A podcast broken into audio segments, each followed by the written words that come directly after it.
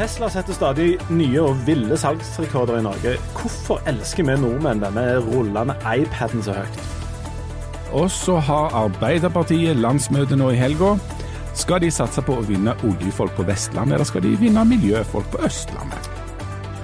Når vi først er inne på Østlandet og Vestlandet, Hvis du har ambisjoner om å være kunstner i Norge og få stipend, da må du pakke snippeska di på Storhaug og flytte til Oslo. For det er nemlig nesten bare folk fra Oslo som får kunstnerstipend. Velkommen til Aftenbladblad. Eh, tusen takk. Eh, du, dette har du veldig greie på, det siste der med disse stipendene. Du er jo en ambisiøs løs mann. Du har jo eller du har gjerne hatt noen ambisjoner tidligere, men du har slutta med det. Ja, altså Jeg bodde jo i Oslo vet du, i tida. Det var det du gjorde.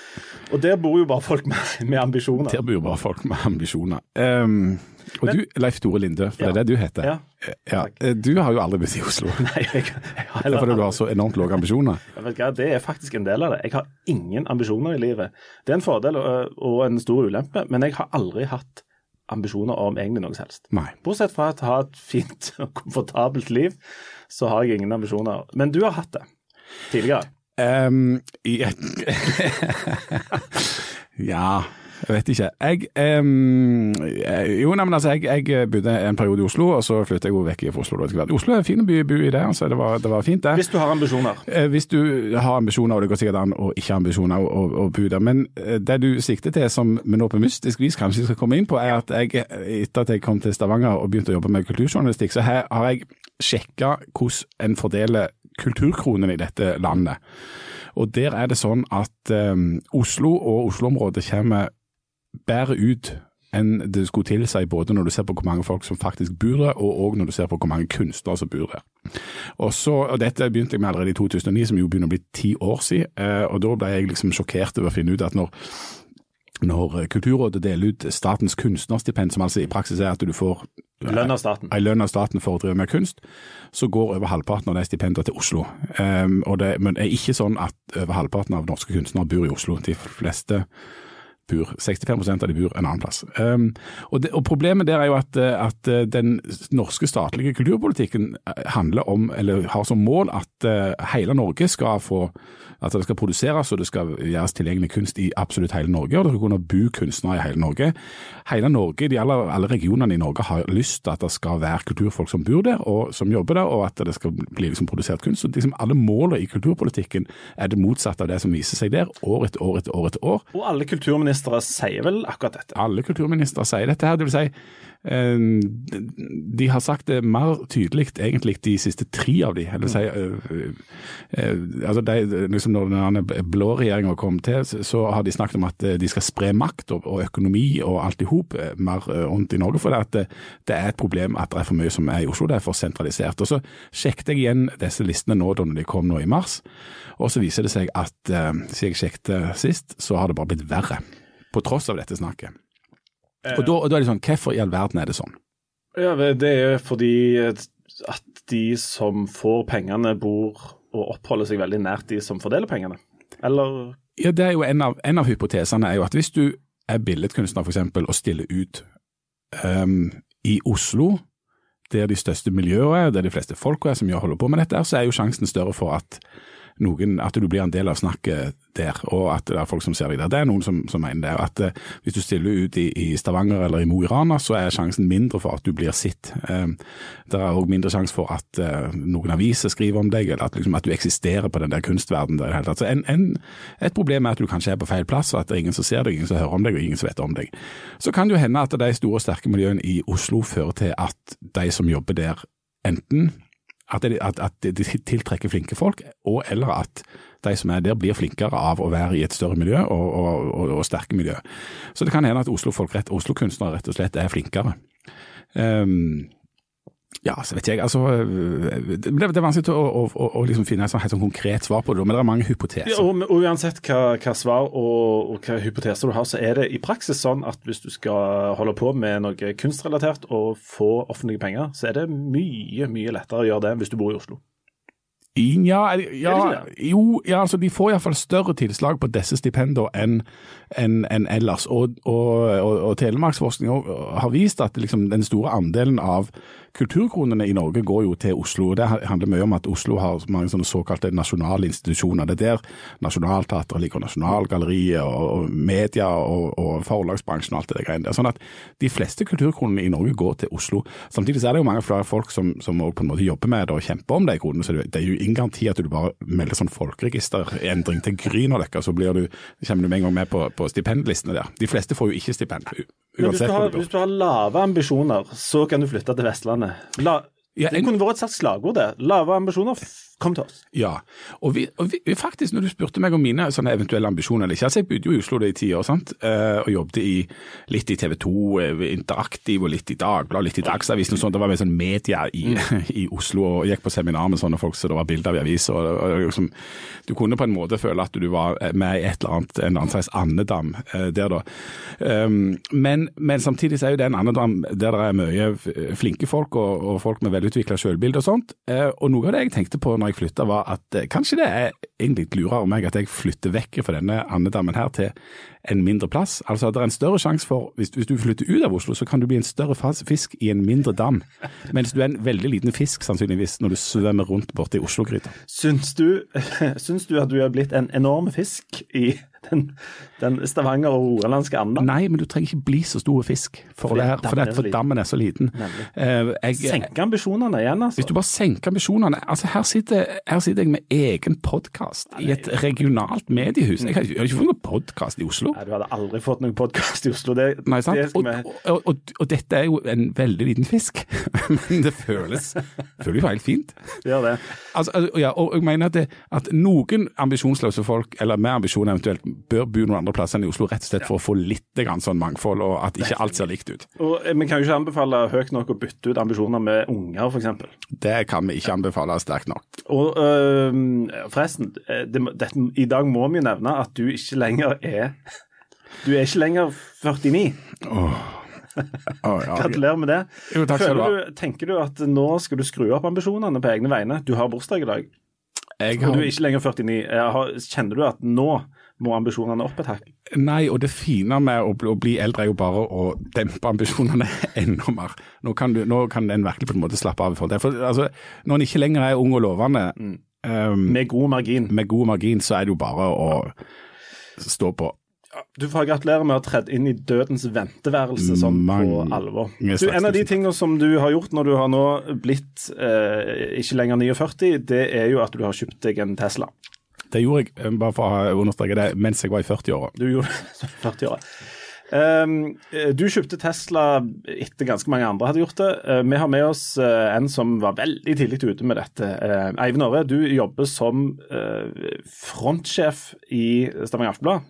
Altså du, det er du som uh, lager internettet vårt. Um, Når begynte du å interessere deg for Tesla?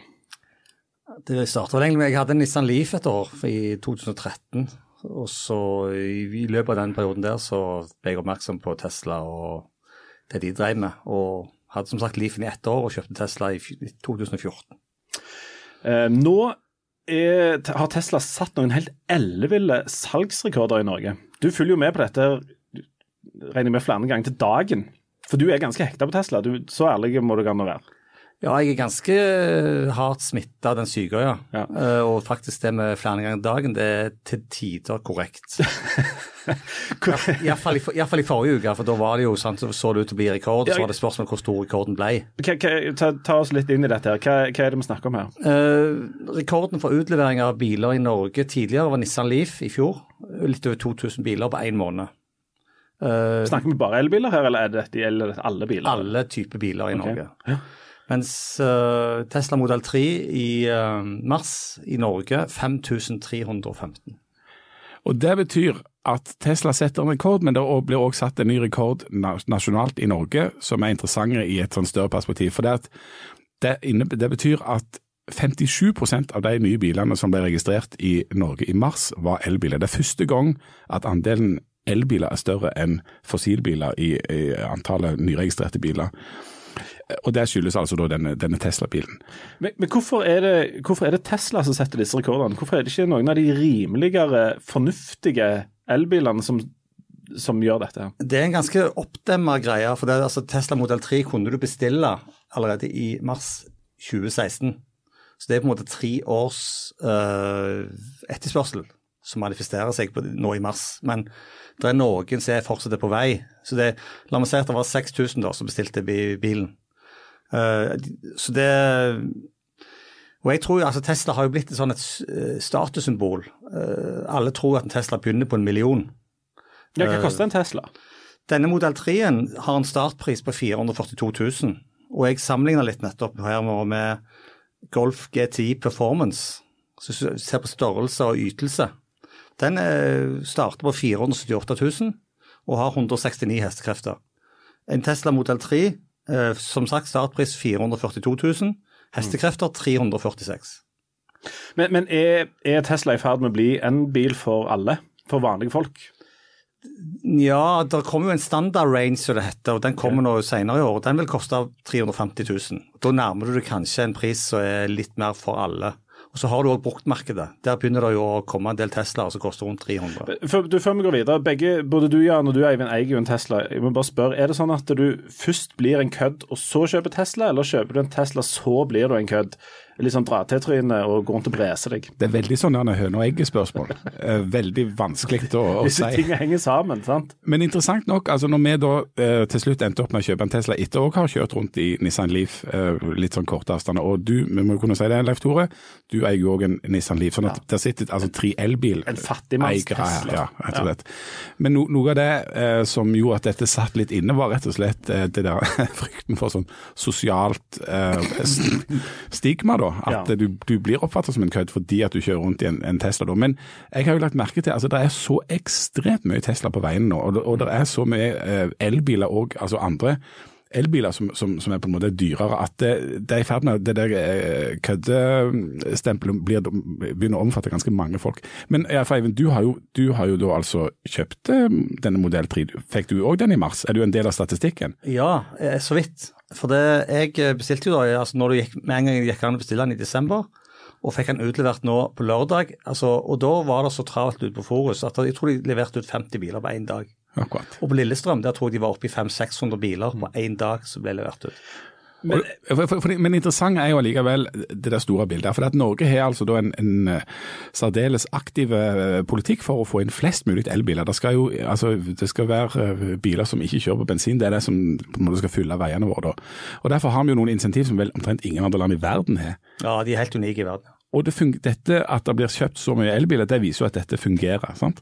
Ja, og noen mener jo da tydeligvis at det fungerer for bra, da. Ja, og det, og, og det er jo noen sånne mål der på at når eh, andelen elbiler kommer på et visst nivå, så kan en, skal en begynne å diskutere disse virkemidlene. Er det sånn at fordi at det blir solgt så mye elbiler nå, så står en del av disse godene i fare for å ryke snart? Det var jo snakk om husker jeg, for noen år siden at var, de skulle også se på godene når vi passerte 50 000 elbiler. Men nå nærmer vi oss 200 000. Mm. For det er, jo, det er, jo, særlig Venstre da, så er det partiet som redde litt av disse fordelene. Gigantpartiet Venstre. Ja, sant. vi kunne jo ha samla hele Venstre her inne i dette studioet faktisk og spurt om disse tingene. Vi kunne vært fire stykker, for det sitter fire stykker her, fire venstrefolk her, og det hadde vært ni ulike meninger om dette. Mm. Og da snakker vi det, det, er bare før vi begynner å diskutere saken. Ja, ja, ja. Um, jeg som ikke Jeg har jo da en Leaf. Hvorfor har du ikke Tesla? Nei, Det er fordi at jeg, jeg, har ikke penger til å kjøpe. Jeg skulle gjerne kjøpt det. Det har du nettopp. Ja, ja, nei. Jeg tror ikke det. Jeg kjøpte hytta isteden. Oh, ja, ja, så det var kjempedumt. Um, men um, for, jo, for, men, si noe om det. For det, det med å kjøpe elbil er jo Jeg forstår ikke det økonomiske argumentet, jeg faktisk. fordi at Eh, alle trenger ikke kjøpe Tesla på, på noen, noen, som helst måte. Den, den, kan være ganske dyr, men den trenger ikke være så dyr. Altså når, når den koster 350 000, så er det ikke så dyrt. Men det finnes jo veldig mye eh, elbiler som er billige, rimelige. Ja. Jeg, jeg, når jeg kjøpte min eh, Leaf, bare for å ta det som et eksempel, så betalte jeg 180 000 for en bil som var et halvt år gammel, og som ikke omtrent ikke koster meg noe å bruke. At ikke alle gjør det, det er, for meg er det helt ubegripelig. Det er det mest ubegripelige for meg òg denne bompengedebatten. Mm. Men det som jeg lurte på med, med disse Teslaene, det virker for meg som om Teslaer er noe annet enn en elbil, bare. Folk som har Tesla, blir er enormt interesserte i bilen sin. Hvorfor er det sånn, Eivind? Eh, det er litt sånn at Tesla er nesten, den er nesten mer enn en gadget. Altså, altså Elon Musk ble jo sett på nesten som den nye Steve Jobs. og det, er en, det er en kult, en menighet, det er ikke tvil om det. og men de har noen ting som ingen andre har, bl.a. dette her med faktisk at bilen blir bedre over tid. At du får oppdateringer. Det er litt sånn som iPad på hjul. sant? At du får beskjed på appen om at nå kan bilen din oppdateres. Og sånn som Modell 3, der fikk du nettopp en oppdatering som gjør bilen 5 raskere. Og, og, og dette skjer uh, via EDB-maskiner? Via EDB-maskiner. Altså, du har en stor computer i bilen som mottar dette her, og plutselig for noen år siden så fikk jeg plutselig Spotify i bilen. Okay. Jeg, fikk akkurat, jeg fikk akkurat en oppdatering der det sto at nå var det installert sånn at jeg kunne ha fisepute på alle de ulike setene. Sånn at hvis det kom folk inn og satte seg, så kommer det til å komme en fiselyd. eh, og eh, det er òg en, en, en, ny sånn, et nytt bål du kan ha gående, som sånn peis på den der svære skjermen. Ja, romance mode. Romance mode kalles det for. Jeg hørte en, en, en vent, vent, vent, vent, vent, vent, Er det noen av dere som har, uten at jeg vil ha detaljene, har testa denne romance mode i bilen? Og hva er det egentlig den skal brukes til? Jeg er veldig usikker på alt det der. Eh, det, altså, det, det, som skjer, er at du, du, får et bål på denne store skjermen. Det forstår jeg. Eh, varmen i bilen går opp. Og varmen òg går opp, ja. Og så setter de på en sånn Chris Isaac eller noe sånn uh, Luther Vandross eller et eller annet sånn uh, greier. Er det tørrgrunn Linde, hjelpe meg. Nei, beklager. Jeg, ja. Men du, jeg, jeg hørte en, en podkast den gangen jeg var og henta min brukte Tesla og kjørte opp fra Kristiansand, så hørte jeg en podkast der Elon Musk ble intervjua i tre timer. Det var da de både røykte hasj og drakk whisky.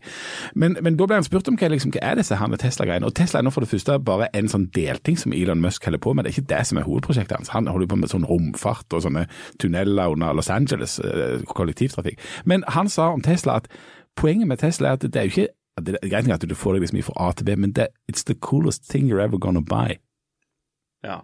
Og da, er vi inne på sånn iPhone-greier igjen og sånt. Mm. Det fins like gode ting der ute, men du kjøper det fordi at det er eh, litt kult. Hvor mange hadde kjøpt Tesla hvis de hadde sett ut som en ja, vet du, hva er en stygg bil? Uh, Nissan Leaf. Nissan Leaf. Det er en fryktelig stygg bil. Den eier jeg sjøl. Den ser jo ikke ut. Hvor mange hadde kjøpt eh, Teslaen hvis de så litt sånn ut? Hvor mye av dette handler om design og litt sånn Flott det, er jo, det er jo kolossalt mange som kjøper Nissan Leaf på tross av hvor stygg den er. Ja, men vi kjøper det, det fordi vi er kjipe folk ja. og ikke har lyst å uh, betale noe for å komme oss fra til B. Uh, Nei, det er klart det hadde ikke, folk hadde ikke kjøpt det hvis det ikke så kult ut. For en så dyre penge. Mm. Jeg vet jo det at den model, Særlig modell S-en, den, for, den, forrige bilen, den store som egentlig folk kjenner mest, eh, forbinder mest med Tesla, den ble lagd helt bevisst for at den ikke skulle skille seg så veldig ut. Du skulle ikke se at det var en elbil. Nei. Nissan Leaf, den første versjonen den som du har, den var litt sånn, det kan se at den er litt spesiell. Ja, for den, den ser ut som en sånn litt sånn prototypeaktig løgnasbil, ikke sant. Mm. Den nye versjonen der er jo òg helt annerledes. Ja. Um, er det, må du kunne, må du være liksom teknologisk interessert for å kunne kjøre en Tesla? Jeg har aldri kjørt en. Nei, men det er akkurat like enkelt som å kjøre en Nissan Leaf. Det, det er veldig intuitivt. Veldig intuitivt. Det er omtrent som å kjøre, radiobil. Mm. Det, det, er jo det som er elbil. Du setter inn og så trår du på gassen, og så går det fort fram. Eh, når dere setter dere inn i disse, disse eh, svanemerka iPadene deres og kjører rundt, eh, setter dere dere ned og så tenker dere hver gang 'dette er kult', og så smiler dere, og så kjører dere bare. Ja, det er nesten litt sånn, altså. Og det er jo en helt utrolig rar ting med en bil som jeg, jeg det er, seriøst, er, det, seriøst, er det sånn? Det er faktisk helt nydelig. Det går, det går over til ca. ett år. Jeg har kjørt i fem år. Jeg. Ja. Hvor mange test? Du har hatt to Tesla, Eivind? Dette er den andre jeg har nå, ja. ja. Um, kunne du, når du skulle ha ny bil nå, så du etter noen alternativer? Jeg var faktisk litt på Hva med en frekk Masta, f.eks.? Jeg var, så litt på den der Konaen. Og jeg skrev meg faktisk opp på lista der uten å betale noe, heldigvis. Mm. da. Men der var det jo For det første så fant jeg jo ut etter hvert og så på tester at den var veldig liten. Og eh, så var det ventetid, da. Mm. Det er jo det jeg tror modell 3 har sjokkert litt resten av markedet med nå. Med at de hadde Du kunne bestille det i desember, og så kommer det i februar-mars. Mm. Så korte tid. Jeg har jo til og med hørt om folk som har bestilt bil i 20. mars, og så fikk de den 30. mars. Mm. Men, men, det som jo er det, igjen, det store bildet, er jo at nå, altså at Tesla har ligget framfor alle andre, både i mm. på en måte uh, rekkevidde og i, i, liksom hvordan det ser ut og hvordan det er og alt i hop. Men nå skjer det jo kolossalt mye på elbilmarkedet framover. Altså, nå kommer jo uh, langt flere modeller og, og med helt annen rekkevidde. og liksom der, det skjer noe der. sånn at eh, Kommer de til å få en knekk nå, da? Det kan fort være. Og, altså, nå, nå kommer jo de store guttene her. Ja. Audi f.eks. kommer med en bil som der anmelderne sier at ok, nå har denne Tesla XYZ, Ja. den svære, endelig funnet liksom sin likemann i dette. Jeg kan jo si det at det, egentlig så skulle Tesla Model 3 hete Tesla Model E. For de, de kom først med S, Ja. så kommer de med X, og så skulle da komme med E, og så, Og så med Y. Y, Ja. som til sammen blir Sexy. sexy. Men eh, altså, Elon Musk, i den grad vi skal stole på han, han hevder jo altså det at de satser, de andre, da har jo han på en måte, en måte klart det. For det, Målet deres er å satse på elbil, vise at dette er noe så bra, og tvinge på en måte de andre til å satse på elbiler. Men, Det men, har de ikke gjort frem men kommer Tesla til å kunne bevare den der statusen som det er liksom den store elbilen, den som alle folk vil ha, når alle disse andre kommer og produserer elbiler, de òg? Jeg vet ikke helt. eh, De der S og X kommer kanskje til å beholde det, men de, de skal jo på en måte refreshe de òg. Altså, de, de kommer nok til å komme med noen nye versjoner og alt sånn. Men um, altså jeg, jeg tenker litt sånn at når du ser, når alle disse her kommer det, De vil jo lene seg tilbake og si at ok, da har vi klart det, nå, nå, nå kan vi konkurrere på de på elbil. Men eh, det, er jo vanskelig for de andre. altså Volkswagen disse her, de har de der dieselgreiene som tvang de til å satse mer på elbiler, og satse både på det og på elbil. Og det er ikke tvil om at det, du, du tjener mer penger på verksted på bensinbiler enn du gjør på elbiler. Men elbiler er i ferd med å bli- demokratisert, men Norge er da igjen altså en særplass. For det er jo ingen annen plass at det er så mange elbiler per innbygger, og det er ingen andre plass at det er de samme fordelene. Sånn at eh, om det er et stort marked i Norge, så er, er, er hvordan er det på en måte globalt sånn elbilmessig? Det er jo Kina som er det store, da. Kina er det store. Der leste jeg at uh, jeg har sett bilder fra disse Det er utrolig mange kinesere. Ja, der, jeg, så, jeg så bilder fra delivery-senteret i Beijing og sånn. Altså 50 biler i Stavanger. Der sto de, altså Der holdt de på til klokka to på natta å levere ut biler, og det var snakk om 1000 til dagen og sånn. Det var helt syke tilstander, visst. Så det, det, altså, og, og, og Tesla har jo én fabrikk i dag i California. Nå driver de og bygger én til, og den er i Kina. Og så skal de også etter hvert bygge en fabrikk i Nederland. Sånn at det, da slipper de der tre måneders ventetid for å få en bil fra USA bort. Ting, ting tyder på at elbilen har kommet for å bli, Ja, det er såpass. hvis du bare husker å lade den. Jeg har ikke internett. Ja, ikke sant. Men, men det er jo sånn at vi har eh, den norske kombinasjonen av høy lønn og lav eh, strømpris fremdeles gjør dette veldig attraktivt for oss, er det ikke sånn? Jo da, og Danmark hadde jo òg ganske bra eh, De har akkurat som oss veldig høye avgifter på bil. Hadde veldig bra insentiver for elbil. Tok det vekk? Tok de vekk, og da solgte de, ble det solgt 17 elbiler over et halvår i Danmark. Nå er, snakker de kanskje om å begynne å skru litt tilbake igjen, men uh, ja. Du, Et siste spørsmål om eh, Jeg kjenner ingen som har så god eh, greie på elbil som deg. Og så sitter Jan her med et hovedfag i sammenlignende politikk. Så nå er det Jeg har jo ikke nevnt det til nå i dag. Nei, vi pleier jo alltid å få nevnt det. Så nå fikk vi nevnt det òg. Eh, er det sånn, eh, Hvis dere slår kompetansen deres sammen, er det sånn da at folk må Hvis, dere, hvis de skal ha elbilfordelene, så må de kjøpe elbil nå? Kommer dette til å ryke sånn politisk? Eh, det som står i disse erklæringene, er vel eh, at det er freda fram til valget i 2021. Eh, jeg vil tro at de begynner med en gradvis innføring av moms med kjøp fra 2022. Det er mitt tips. Just, det var konkret og fint.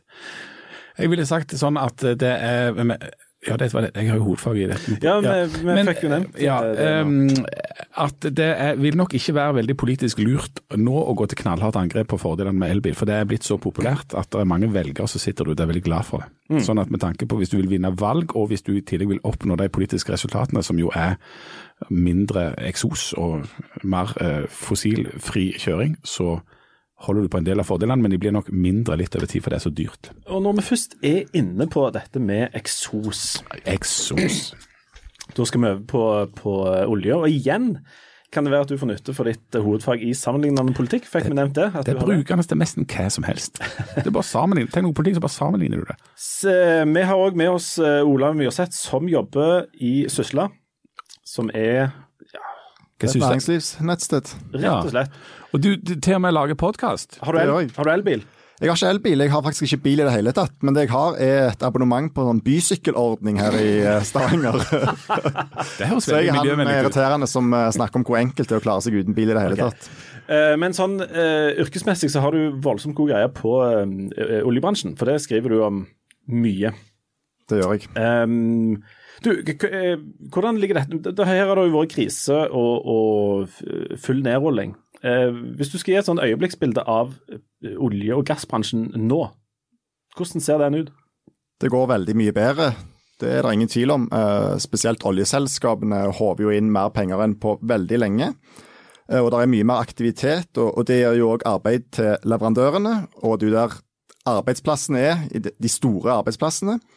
Eh, Det som er utfordringen for leverandørene, er at eh, prisene er fortsatt eh, lavere enn de skulle ønske, og det gjør at de sliter med, med overskuddene. De får ikke så mye cash som de skulle ønske, og det er på en måte litt nyansen i det, da. Hva koster olje nå?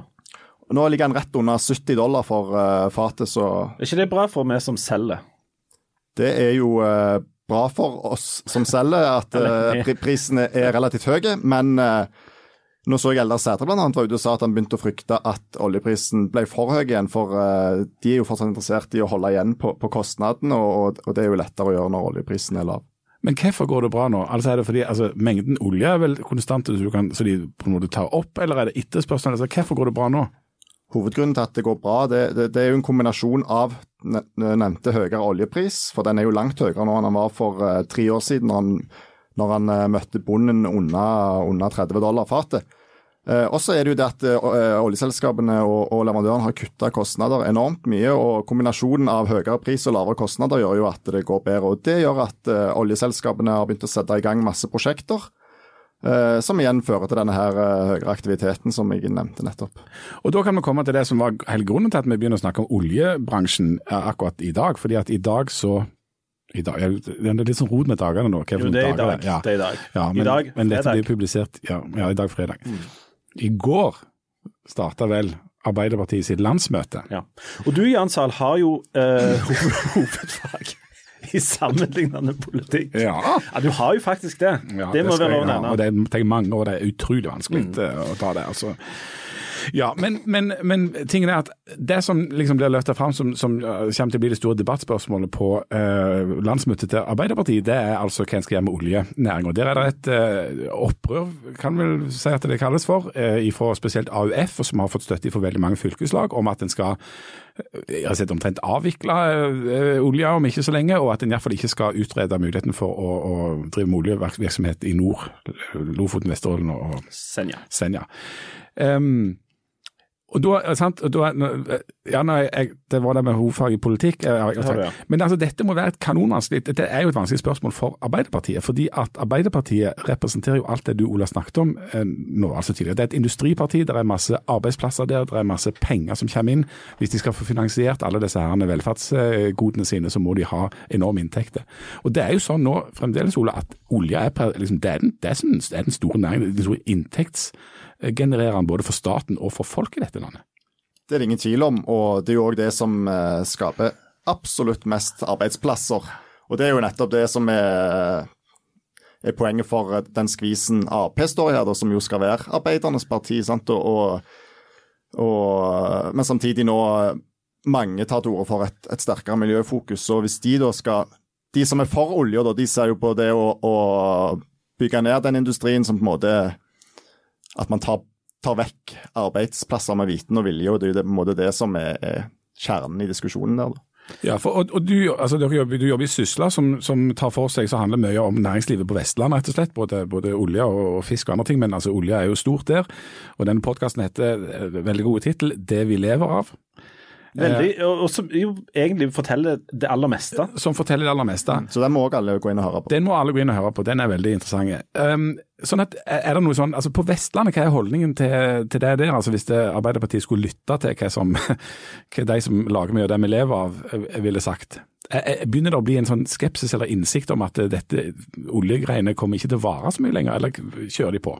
Nei, det vil jeg ikke si at det, det er ikke det som er på en måte konsensusen. Det er nok en eh, økt eh, bevissthet rundt at olja ikke skal være evig, men eh, de aller fleste vil, vil si at det er mange år igjen. og nå F.eks.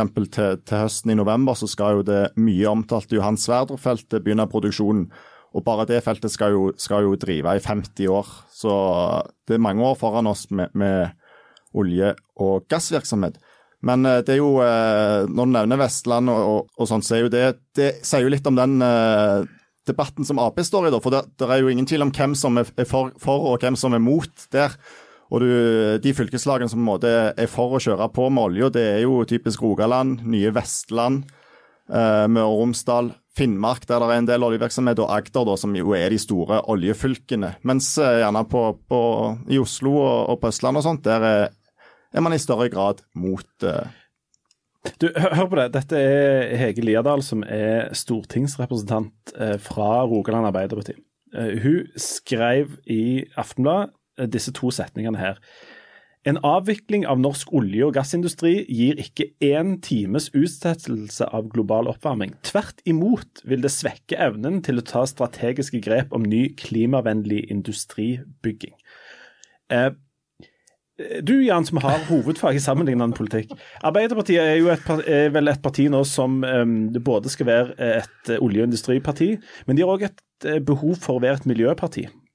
Ja, og det er en kanonvanskelig skvis. Um, Når Hege Lierdal her sier at uh, å, å ta, bygge ned norsk olje- og gassindustri hjelper ikke én millimeter på global oppvarming, det kan ikke være musikk i denne rød-grønne den grønne delen av den rød-grønne fløyen. Nei, så langt derifra. og Derfor er det dette en klassisk sentrum-periferi-konflikt i Norge. Mm. Altså eh, øst mot vest, nord mot eh, øst, egentlig. Um, hun er fra Øst mot resten? Øst mot resten, rett og slett. altså. Um, og Det spørs om ikke avstanden til på en måte verdiskapinga eh, kan være noe store til Oslo. Altså At en sitter der og forvalter en drøss med penger som kommer inn til fellesskapet, men det er få av de som har på en måte vært på en oljeplattform og lagt ørene inntil den der pumpinga av, av det som vi lever av. for Mm. så, så, så, det, så, det, er og, det, og, det, og, dette er et, et, stort problem for Arbeiderpartiet òg når de nå skal da, eh, altså håndtere dette politisk. Eh, Jonas Gahr Støre han håper jo på å fortsette det kompromisset som det kom forrige gang. Eh, han sier at den industrien ikke skal avvikles, men utvikles. Eh, men den opptellinga som VG vel hadde sist, tyder på at han på en måte kan gå på et nederlag der. Eh, dette er noe som Du siterte, du siterte Hege Liadal, eller Haukeland Liadal. Jeg kan sitere en leder fra VG som skriver at å avvikle norsk lønnsom oljevirksomhet, det er det suverent dyreste klimatiltaket Norge kan velge. Sånn at det er litt sånn at de, de, de, voksne i rommet og de som er tettere på dette, her, de mener at de er meget skeptiske til denne her, å liksom fjerne det så fort og være såpass eh, ja, eh, grønne, da. Men altså, AUF sin rolle har jo alltid vært i Arbeiderpartiet å være på en måte et hakk framfor og hakket mer radikale og hakket mer eh, irriterende, irriterende og, og, drastiske. Det gjelder på en måte de fleste ting. Um, så er det de store, altså de voksne i rommet, og LO og fagbevegelsen, alt det alle som representerer på en måte arbeidere, og, og, og ikke bare ungdom og, idealisme. de vil nok stå på at det skal drives oljevirksomhet en stund framover. Så det blir spennende å se, da, for det, det er altså Arbeiderpartiet er ikke et T-selskap. Der er det beinhard eh, maktkamp. Ja. Og Det som er et poeng her, er jo at i den store globale sammenhengen så utgjør jo Norges oljeproduksjon ganske lite. Det er noen få prosent. Og hvis sett at vi skulle kutte det ut på dagen, så står det land klare som har, eh, de har olje og de har kapasitet til å øke produksjonen umiddelbart og kan nærmest erstatte Norges produksjon per blunk. Og det er vel det som er et av poengene der med at eh, altså I den store sammenhengen så, så, vil ikke det ha noe å si. Men så det jo, handler det jo litt om dette her med å, å gå i front. Hvem skal, hvem skal, vise vei, på en måte. Så. Jeg lurer leste en plass at Norge sine utslipp står for 1,1 promille av det globale utslippet av karbondioksid. Så, um, da tenker jeg vi kan bare peise på med, ja. med det. Du, en, en, siste ting. Eh, Arbeiderpartiet og, og, den fløyen Arbeiderpartiet representerer, er ganske ivrige etter å gjøre noe på Vestlandet, bl.a. i Stavanger, som har vært høyrestyrt i 24 år. Mm. Jeg har ikke hovedfag i sammenlignende politikk, så jeg kan jo veldig lite om dette her. Men de er interessert i å overta makta i Stavanger, og og oppover vestlandskysten, og for så vidt òg i Nord-Norge. Eh, eh, kan de gjøre det hvis Arbeiderpartiet blir et tyngre miljøparti og må tone ned altså, Å si at olje er fy-fy? Er, er, det helt er det mulig for dem å, å, ta makt her hvis de blir et miljøparti? Jeg tror de kan få stemme på et miljøparti, men det å være et miljøparti betyr ikke nødvendigvis å legge ned oljenæringa. Det, det om, altså det kan godt tenkes måter å bidra til reduksjon i klimautslipp globalt på som er langt billigere og langt mer effektive enn å legge ned norsk oljeindustri. Ehm, jeg tror, de, jeg tror de har kjempeproblemer med å ta Vestlandet hvis de skal gå inn for at de skal legge ned oljeindustrien i løpet av veldig kort tid. Det sier litt om hvor politisk umulig det er når Mime Kristiansson, som nå er altså heimvendt eh, Rødt-politiker eh, som har kommet tilbake til Stavanger, eh, var på debatt her med Arbeiderpartiet og SV og ble spurt om dette med oljeindustrien, hvor, om, de, om, Rødt ser for seg å legge ned den. Og Da sier han at jo, det står jo riktignok i programmet deres at den skal legges ned, men det vedtaket satser han på å få gjort om. Så selv ikke Mime Kristiansson i Rødt vil, kan gå til valg i Stavanger med å si at den skal legge ned oljeindustrien. Så Arbeiderpartiet skal da være et miljøparti som skal være for olje. Altså de skal være, leve i sølibat, bortsett fra at de har seg etter klokka fire. Skal være litt jomfru, men det, men det er litt sånn som med oljeselskapene òg. Altså at, at de må omformes i retning av energi. men det må, det må, altså, Om det er vindkraft eller om det er liksom grønnere ting. Eh, og, de, og, de, må gjøre olje- og gassproduksjon grønnere. Men, men, det handler altså om å utvikle det, litt sånn som uh, Gahr Støre sier, og ikke avvikle det. For det vil bare være kanondyrt både for landet og for altså, og har fint liten effekt tror jeg, på klimaet. Altså. Da foreslår jeg at vi sender alt olje til utlandet, og at vi her eh, bare kjører, alle kjører Tesla, som jo er lagd av i sånne Steinerskoleklasser av litt sånn bark og noe sånn halm og sånt. Og Da eh, anbefaler jeg i anledning 50-årsdagen at alle skrur på fiseputer. Ja. Vi fikk nevnt at du eh, ikke lenger er 49. Gratulerer med dagen. Mange takk. takk. Eh, så gir vi oss for denne gangen. Så er vi tilbake igjen eh, om ca. ei uke. Da skal vi bl.a. snakke om eh, russen. Oi, oi. Det blir spennende. Det blir spennende for en mann 50 å snakke om. Det er jo litt en stund siden vi var russ. Du var russ, russ under krigen. Ja. Det tar vi neste gang. Vi takk for nå. Adjø. Sjalabais.